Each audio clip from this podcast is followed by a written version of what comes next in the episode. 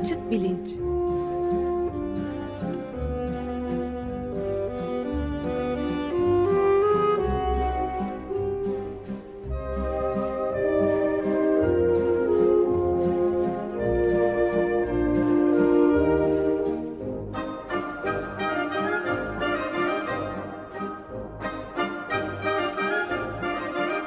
Güven Güzeldere ile bilim ve felsefe sohbetleri. Günaydın Güven Bey. Günaydın Can. Ee, bugün e, yaptığımız kayıtta Ömer Madra yanımızda yok ama konuklarımız var. E, takdimi size bırakıyorum efendim. Ee, evet biz e, Can senle Ömer Bey'in e, yokluğunu duyurmamaya çalışalım bu yayında. Ee, evet. Çok değerli iki konuğumuz var. Ee, Türkiye'de kendi alanlarının en önde gelen e, iki ismi, e, iki bilim insanı e, Boğaziçi Üniversitesi'nde psikoloji bölümünde çalışmış olan Profesör Doktor Reşit Can Beyli ve İstanbul Üniversitesi Tıp Fakültesi'nde uzun yıllar görev yapmış olan Gençay Gürsoy. E, hoş geldiniz ikiniz de. Merhaba, hoş, hoş bulduk. Hoş geldiniz. E, hem e, Reşit Hocam hem Gençay Hocam gerek e, bilime yaptıkları katkılar e, gerekse akademik e, özgürlük konusunda verdikleri mücadeleler ile e, biz kendilerinden biraz daha genç kuşaklara ve daha da genç kuşaklara örnek olmuş iki bilim insanı. E, kendilerini bugün e, açık bilinçte ağırlamaktan e, onur duyuyorum. E, yeniden teşekkür ederim geldiğiniz için. Ben e, çok kısaca bir e, özet yaptıktan sonra e, size bırakayım sözü. E, iki haftadır e, akademik ifade özgürlüğü e, konusunu e, gündeme getirdik. E, bunu gündeme getirmek gibi aslında bir planımız yoktu fakat e, Barış için Akademisyenler Bildirisi'nin e, koparttığı fırtına e, sebebiyle biraz bu konunun üstüne e, eğilmeye karar verdik. E, bugün Türkiye'de üniversitelerin e, içinde bulunduğu durum e, gerek kurumsal özellik açısından gerek akademik ifade özgürlüğü açısından e, istenilen e, bir düzeyde değil. Hatta e, bence e, iç acıtıcı derecede kötü düzeyde. E, bu öte yandan bugün ortaya çıkmış bir şey de değil. Bunun öncülleri var. E, bunun tanıkları da sizlersiniz aslında. Ee, belki en büyük kırılmalardan bir tanesi 1980 darbesinden sonra oluyor. Ee, darbecilerin yaptığı ilk işlerden bir tanesi e, bütün üniversiteleri merkezi bir şekilde denetleme ve kontrol altına almak için Yüksek Öğretim Kurulu denen bir kurul e, kurmak ve başına İhsan Doğramacı'yı geçirmek oluyor 1981 senesinde. 1982'de kabul edilen e, darbe anayasası da da e, Yüksek Öğretim Kurulu'nun görevi bu şekilde merkezi bir şekilde Türkiye'de bütün üniversiteleri kontrol etmek, denetlemek şeklinde belirtiliyor. E, 1980 ana darbesinin ardından bu olan bitenleri e, protesto etmek için e, Reşit Can Beyli hocam 1982 senesinde Boğaziçi'ndeki görevinden istifa ederek ayrılıyor.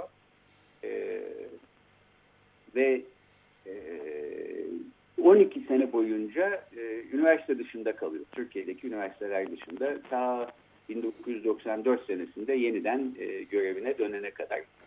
E, Gencay Gürsoy hocamsa e, 1983 e, senesinde e, 1402 numaralı e, sıkı yönetim yasası e, temelinde e, işinden e, alınıyor. E, bir daha kamu hizmetinde çalıştırılmamak üzere görevinden uzaklaştırılıyor. Ta ki 7 sene sonra 1990'da Danıştay kararı ile e, haklarını geri alarak e, görevine dönene kadar. E, Gencay Gürsoy e, e, İstanbul Tıp, e, İstanbul Üniversitesi Tıp Fakültesi ve Oslo Tıp Fakültesi'nde eğitimini almış ve uzun yıllar profesör doktor olarak hizmet vermiş bir bilim insanı. Aynı zamanda İnsan Hakları Derneği ve İnsan Hakları Vakfı'nın kurucuları arasında Türk Tabipleri Birliği Merkez Konseyi Başkanlığı'nı da uzun yıllar e, yapmış durumda. E, Reşit Can Beyli de e, psikoloji alanında hem lisans hem master hem doktora derecelerini e, Kolombiya Üniversitesi'nde aldıktan sonra e, akademik kariyerine Boğaziçi Üniversitesi'nde ve e, Türkiye'de üniversitelerden e, uzak kaldığı e, dönem e, içinde e, Kolombiya Üniversitesi'nde devam etmiş bir bilim insanı. E, ben e, üniversitelerin e, sizlerden böyle uzun yıllar boyunca mahrum bırakılmış olması, biz öğrencilerin mahrum bırakılmış olması e, e, büyük bir ayıp olarak görüyorum. Fakat e, belki çok şaşılacak bir şey de yok. E, e, birkaç sene önce Reşit Hocam siz e, bir gazeteye verdiğiniz söyleşide e, kaldırırım diyenler iktidara gelince YÖK'ten yararlanmaya başladı demiştiniz. Bunu herhalde daha da e, artarak e, böyle devam ettiğini bugün de görüyoruz. E, e, Hocam'ın da T24 e, haber sitesine verdiği bir söyleşide dediği e, 1980'li yılların arkasından yetişen kadrolarla doldurulmuş olan üniversiteler e, kendi rektörünü, kendi dekanını tayin edemez halde e, üniversiteler memur zihniyetiyle yönetilir hale geldiler e, diyor. E, bu iki gözlemede ben katılıyorum fakat artık sözü daha fazla uzatmadan hem sizin kişisel tanıklıklarınız ışığında e, bugünkü Türkiye'de üniversitelerin durumunu biraz değerlendirelim. Hem bu işin öncüllerine, dününe, e, darbe sonrası gelişmelere bakalım. Hem de belki e, çağdaş demokratik bir e, toplumda üniversite nasıl olmalıdır? Biz nasıl bir üniversite sistemi istiyoruz? Biraz da bundan konuşalım. Ben sözü size bırakayım. Aslında e, bu işin e, başlangıcı 1980 değil tabii. Yani e, evveliyatı var. Ta e, hani 1846. 1846 oradan e, Evet. hadi atlayalım Cumhuriyet dönemine. E, 30'dur değil mi şeyin 33. Darülfünun'den üniversiteye 33. geçiş 33. Evet. O dönemde sayısını hatırlamıyorum ama önemli bir e, üniversite öğretim üyesi e, devre dışı bırakıldı. Ee, Görevlerinden alındı. bir, bir sayıya göre 158. 240'tan 158. E, Evet, evet. Yani neredeyse ya- yarısı değil mi? Yarıdan fazlası Yarıdan fazlası. e, tasfiye edildi. Evet. evet. E, Bir arada daha vukuatlar var tabii. Mehmet Ali Aybar'ın, Tabii. e. Beyci Hanım'ın işte şeyin 46'lar, 47'ler. 47'ler, daha sonra 1960 147'ler. 147'ler çok meşhurdur. 147'ler. Ben o sırada öğrenciydim. Sen yetişemedin galiba o dönem, Yok ben e, daha lisedeydim. Evet, Evet. İstanbul Tıp Fakültesi'nde öğrenciydim. Ee, 1960 şimdi biraz itiraf gibi olacak tabii. Ee, o dönemde 1960 askeri darbesi ni biraz böyle hani e, demokrasiye, özgürlüğe kapı açacak ümidiyle destekleyen talihsiz kuşaklardanım ben. Ee, onun öncesi 27 Mayıs'ın öncesinde Nisan Öğrenci Hareketleri diye bilinen e, şeyin e, hareketlerinde Evet. e, bizim fakültede işte e, aktivistlerinden biriydim. Sonra işte 27 Mayıs oldu. E, bizlere güya işte bir solcu öğrenci grubu var. Bizlere şey e, üniversite öğrencileri olarak örgütlenme hakkı verilecek. İşte hatta devlet- Dernek, dernekler dernekler kurulacak. kurulacak, dergi çıkaracağız, gazete çıkaracağız falan derken 27 Mayıs'ın zannediyorum 2-3 hafta sonra e, biz de e, şeye o zamanki resmi öğrenci kuruluşları olan e, Talebe Federasyonu'ndan falan e, tasfiye ettiler. Evet. Ve e, işte hocalarımızdan e, 147 tanesini e, görevden aldılar.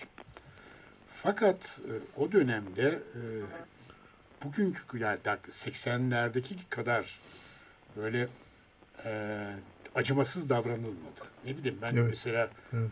e, 80'de benim pasaportumu da almışlardı bazı birkaç arkadaşlarla birlikte.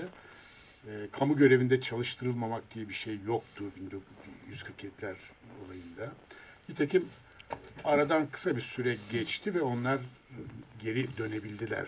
Doğru. Mahkeme kararı olmaksızın diye hatırlıyorum. Evet doğru. Siyasi kararla döndüler. Evet. Ama şunu söyleyeyim. Sıddık Sami Onar e, hırpalanmıştır. E, bir polis tarafından mesela. Ben buna tanıyorum, gözümle Evet. gördüm. Onun için yani e, bazen de kantarın topuzunu o zaman da kaçırmışlardır. O tabii tabii tabii. tabii. Yani 60'da şey Demokrat Parti döneminde Sıddık Sami'nin şeyi tabii 60 değil biliyorsun.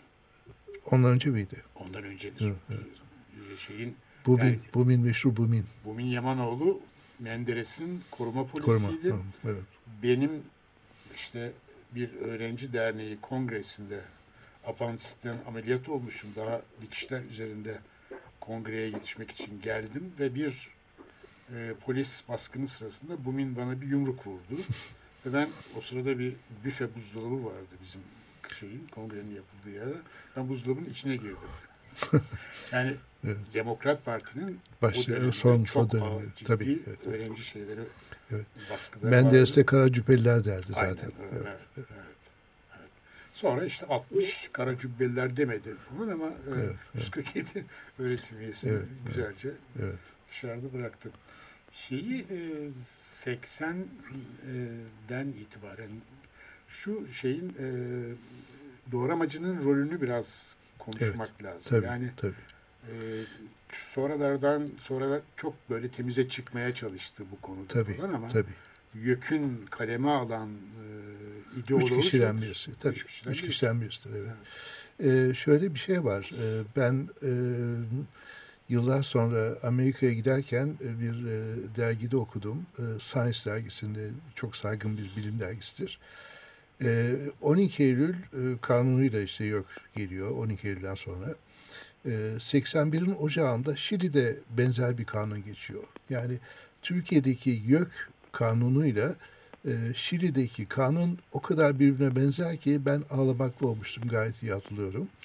Orada da e, Pinochet rejimi e, Allende'nin getirmiş olduğu özgürlükleri üniversiteden kaldırıyor e, ve devletin e, üniversitesini e, tamamıyla kendi hakimiyetine alıyor ve sosyal bilimler ve felsefeyi arka plana itiyor. Bu çok e, ilginçtir. 12 Eylül'de bunu yaptı.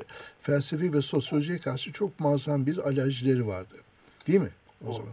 Şimdi tamamladılar onu. Evet. Felsefeyi Şimdi kaldırdılar. Şimdi tamamlar. Şimdi bir şey daha söyleyeyim. E, doğramacı hakikaten e, Türkiye tarihinin gelmiş geçmiş en ilginç tiplerden bir tanesi. Cumhuriyet tarihinin. Çok renkli bir şahıs. E, hatta şöyle bir hikaye anlatılır. E, Kenan Evren'e doğramacı ile ilgili kalın bir rapor sunulur. Belki Gencay da bunu duymuştur. Evet, evet. Ondan sonra ve e, o raporu okuduğu takdirde e, doğramacının işte kalması mümkün değildir. Evren alır ve çöpe atar o kitabı. Çünkü hakkında çok ciddi bazı suçlamalar vardır. Ama o Evet. rapor aslında tam da benim kullanacağım insandır bilgisini evrene vermiş bir Tabii, rapor. aynen, aynen. E, dolayısıyla rejimler hakikaten kendileri için kullanacak insanı bulurlar.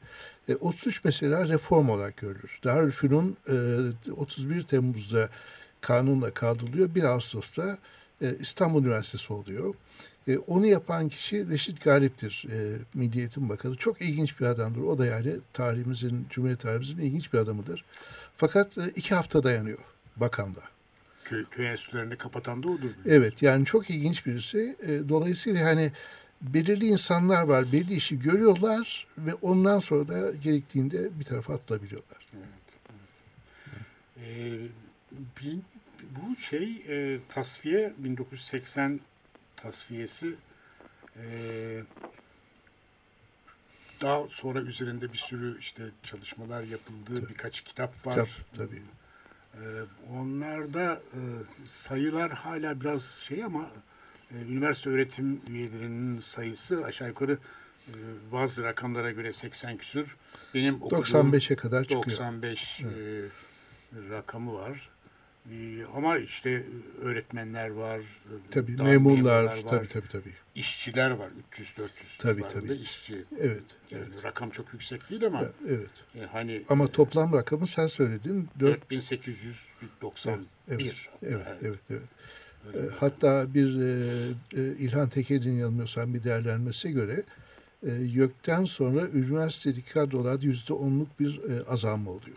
Yani e, uzaklaşanlar var, uzaklaştırılan var, bir de uzaklaşanlar var. Tehditle e, eğer gitmezseniz biz sizi atacağız diyenler, denilenler. E, başka şehre e, rotasyonla gönderilip de gitmek istemeyenler de şuydu buydu falan.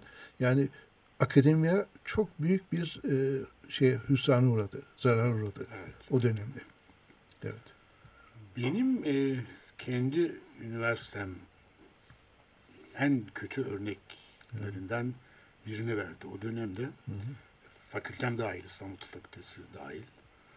E, bizleri e, yani atıldıktan sonra mesela benim e, bir bizim ortak yazdığımız bir ders kitabında Evet, evet. benim yazdığım pasaj e, hani bu da sıkı yönetim baskısıyla falan olmuş Ha, değil. evet, kendi evet, marifetleri. Yani alelacele o kitap e, bırakıldı, yeniden basıldı. Evet, evet. Benim yazdığım bölüm çıkarıldı. Evet. Hatta tuhaf tesadüf tam o günlerde atıldığımız günlerde bir İstanbul Fakültesi'ni dergisi uluslararası yayın yapan bir dergideki bir makalem birkaç imzalı ama birinci isim benim. Evet. Bu makalemin ilk tasihleri, düzeltmeleri bana gönderilmişti. Ben onları düzelttim. O sırada da atıldım. Evet. Dergi toplatıldı. O bölüm matbaadan çıkarıldı. Makale bırak atıldı ve e, dergi yeniden basıldı falan. Evet. Ve o zaman e, bu atılanların e, üniversiteye girmeleri, kütüphane kullanmaları yasaklandı. Benim bakımdan çok şanslıydım. Boğaziçi Üniversitesi'nde e, kütüphaneye gidebiliyordum. E, o büyük bir şeydi. İyi E. Nimetti. Ee, bizim İstanbul Çapatı Fakültesi'nde, İstanbul Tıp Fakültesi'nde nöroloji bölümünün meşhur perşembe toplantıları vardı. Belki sen de gelmişsin. Evet evet tabii geldim. Ben bir konuşma da yaptım. konuşma da Çok eskiden evet. Sabahları biz orada işte böyle ya vaka üzerinde ya böyle makaleler okur tartışırdık falan serbest. Dışarıdan çok insanlar gelirdi. Hekimler böyle serbest çalışan hekimler de hani üniversiteye sınırlı bir şey değildi. Evet. O toplantılara benim girmem yasaklandı fakülte tarafından. evet. Ve bizim bölüm de buna itiraz etmedi. Yani hala çok yakın dostlarım Evet. var. Evet. Ee, ve ben perşembe toplantılarına giremez oldum. Tabii. Şimdi bizde mesela şöyle bir şey oldu. Ben e, istifa edecek e, iken e, bir dekan beni çağırdı ve bir saat benimle konuştu. Daha doğrusu monolog. O anlattı, ben dinledim. Hiç bu yasa bizi etkilemeyecek. Boğaziçi böyle bir yer değildir. Yasa bizi değil, biz yasayı değiştireceğiz dedi o dekan. E, ben ayrıldım ve kendisine sadece bir cümleyle yasa bizi değiştirecek göreceksiniz dedim. Daha sonra yıllar sonra beni felsefeden arkadaşlar davet ettiler bir konuşma yapmaya. Gittiğimde hiç psikolojiden kimse yoktu, meslektaşlarım yoktu. Şaşırdım, anlattım anlatacağımı. Sonra sordum neden kimse gelmedi diye. Anlaşıldı ki dekan izin vermemiş. Dekan e, benim adımı görünce bunu davet edemezsiniz demiş. Arkadaşlar da tamam o zaman sizin davet ettirmediğini söyleyeceğiz deyince nedamet getirmiş fakat e, arkadaşlar da davet etmelerine izin vermemiş. Yani üniversite bu şekilde değişti. Ben burada bir şey özellikle vurgulamak istiyorum. E, bir yasa geçtikten sonra, bir yeni durum ortaya çıktıktan sonra ne kadar etrafınızdaki birçok insanın bu yasaya ve bu yeni duruma ne kadar çabuk uyum sağladıklarını, hatta benimsediklerini, hatta belki de beklediklerini görüyorsunuz. En büyük ihaneti ben orada gördüm. Çok ilginçtir. Yani devlet asker tabii yapar. Yani tabii yapar derken kabul ettiğim değil ama junta sonunda. Ama- Adetidir. adetidir. Evet Türk tarihinde bu olmuştur. Ama sizin yakın arkadaşlarınızın, meslektaşlarınızın, üniversitelerin bir karşı çıkmada bulunmamaları, hatta bunu otomatikman kabul etmeleri insanın çok ağrına gidiyor doğrusu. Evet. Aynen öyle. Evet.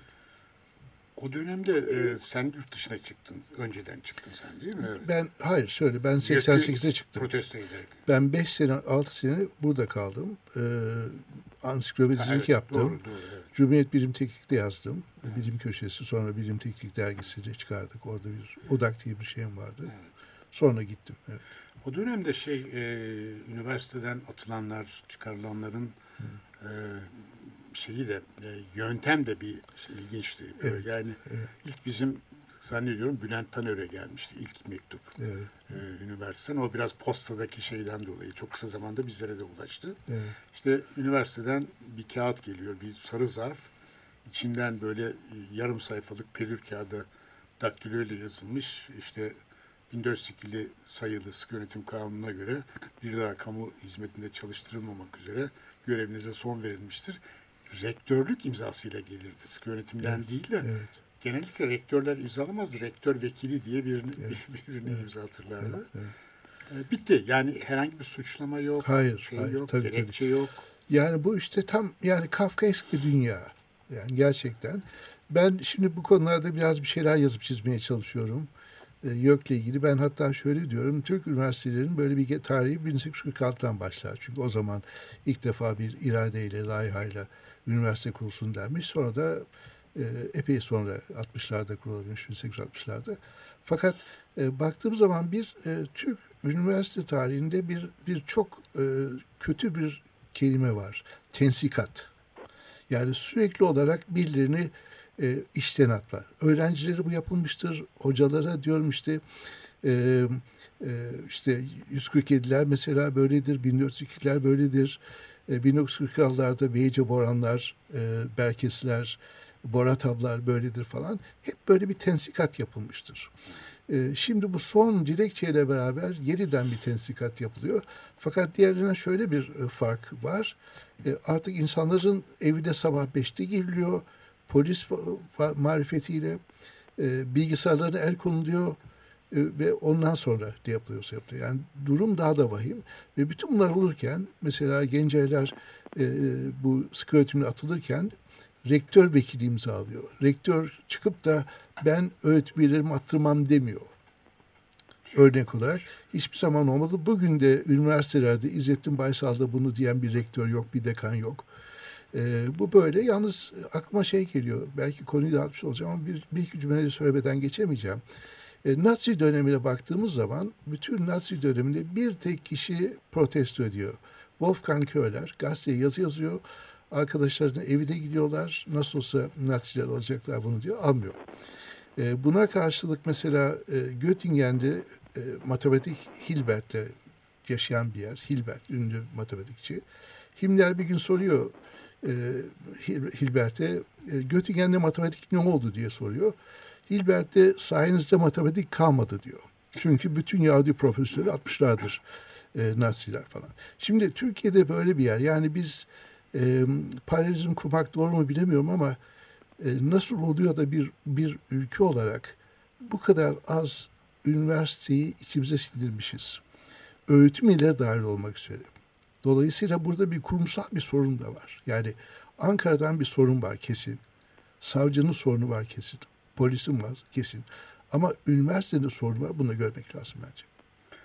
Yani Peki ben de hemen küçük bir şey e, ekleyebilir miyim izninizle? Biraz Buyurun. olumlu bir şey e, söylemek e, istiyorum. Bu e, Barış için akademisyenler bildirisini biliyorsunuz. E, 1128 kişi imza atmıştı.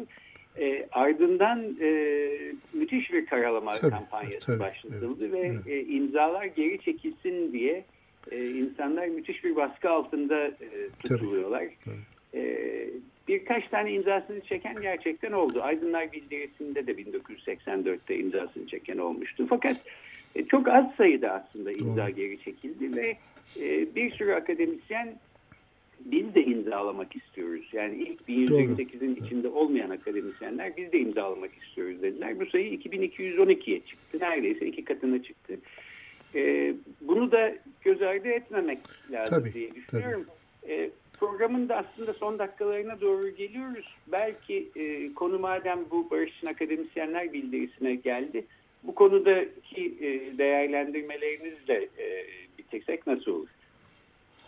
Ee, ben doğrusu e, bu e, kıyaslamayı hani e, 84'teki Aydınlar Dilekçesiyle ona karşı e, siyasi otoritenin tepkisiyle bugünkü siyasi otoritenin tepkisini karşılaştırınca e, yani söylemeye dilim varmıyor ama askeri dönemden daha, Daha gaddar, daha evet. acımasız, daha e, diyelim böyle antidemokratik sınırları tanımayan bir tepki gösterildiğini söylemek lazım.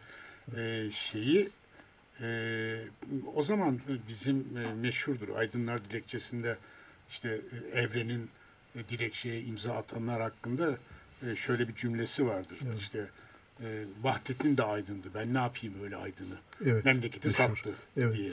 Bayrağın ucundan tutmadılar. Şimdi. Bayrağın ucundan Evet, tutmadılar. meşhur. Yani bunları yan yana getirdiği zaman bunlar evet.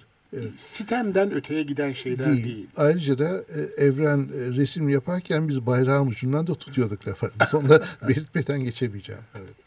Şimdi bugün e, Cumhurbaşkanı'nın, Başbakan'ın bu imzacılarla ilgili, bizlerle ilgili e, söyledikleri e, yani artık ağza alınmaz küfürleri yan yana getirdiğiniz zaman antiparantez e, dava açma konusunda tazminat davası açma konusunda yani yollar tükenmiş değil. Böyle bir çaba içindeyiz. E, bunun hiçbir sonuç getirmeyeceğini biliyoruz bugün ama e, bunun dışında tabii siyasi otoritenin etki alanını içindeki medya, medyanın neredeyse tamamı ağır, ağza alınmaz küfürlerle evet. kampanyayı sürdürüyorlar. Önemli bir fark da işte e, belirtildiği gibi e, buna mukabil e, e, demokrasiden yana, barıştan yana e, kamuoyunun da gittikçe artan bir desteği var. Var. Bu destek tabii bu kadar ağır, acımasız bir tepki göstermeselerdi belki bu kadar olmazdı. Olmayacaktı. Kendileri hazırladılar bunu yani. Ee, Ona bir şey ilave edeyim. Mesela Menderes Karacüpeliler demiştir. Bazı hakaretlerde bulunmuştur kürsüden. Sonra çok ilginç kürsüden iniyor. Arkadaşlarına biraz ileri gittim özür dilerim özür dileyeceğim diyor. Bunu e, birkaç kişi yapmıştır. Cemal Gürsel özür dileriz biz yanlış yaptık demiştir 147'liklerle ilgili. Aynen, evet. Dolayısıyla biz ilk defa özür dilemeyen ve daima daha da ağır hakaretlere e, hazır olan bir iktidarla karşı karşıyayız. Bu da yeni bir şey diye İşin bir de trajik kısmı eski bir akademisyenin e, başbakan olduğu bir iktidardan bahsedilir. Evet, evet. Evet, evet. Ee, ben bir belki bitiyor. Bir, Evet. bir şeyi hatırlatmak istiyorum. Cumhurbaşkanının eee benzetmesini kaymakamları toplayıp bir şey dedi ya hani eee, mevzuatı falan bir kenara Tabii, bırakın, yasaları bir kenara bırakın. O konuşmasında hala medyaya yeteri kadar yansımayan ikinci bir cümle vardı. Onu. Birincisinden daha vahim olan bir cümle. Dedi ki bakın arkanızda muhtarlar var. Onların gözü üstünüzde dikkat edin. Yani Evet. tam SS Aynen. e, metodolojisini uyguladı. Evet. Evet. Çok olumlu bir şey olmadı ama e, gerçekler böyle maalesef ama umudu kaybetmemek lazım. E, Türkiye üniversite tarihinde hep böyle gerilemeler olmuştur. Sonra e, sağduyu bir ölçüde de olsa e, egemen olmuştur diye umuyoruz.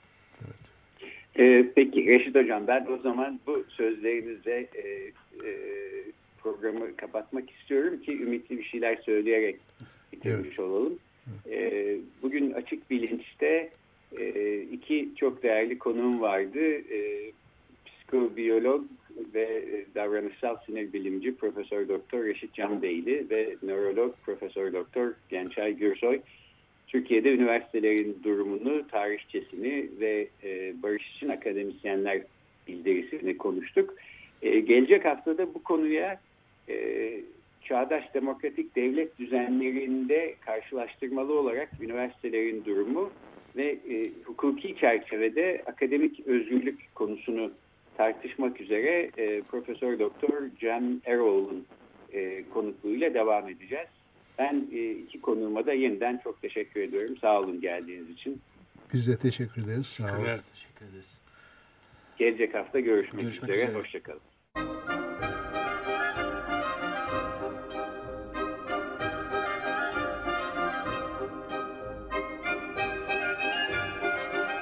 Açık Bilinç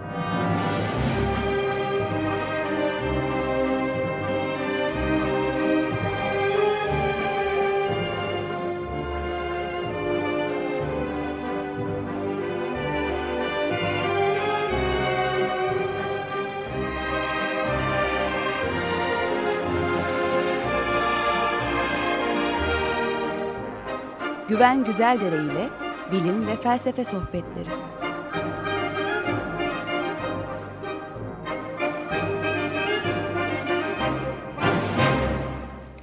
Açık Radyo program destekçisi olun. Bir veya daha fazla programa destek olmak için 212 alan koduyla 343 41 41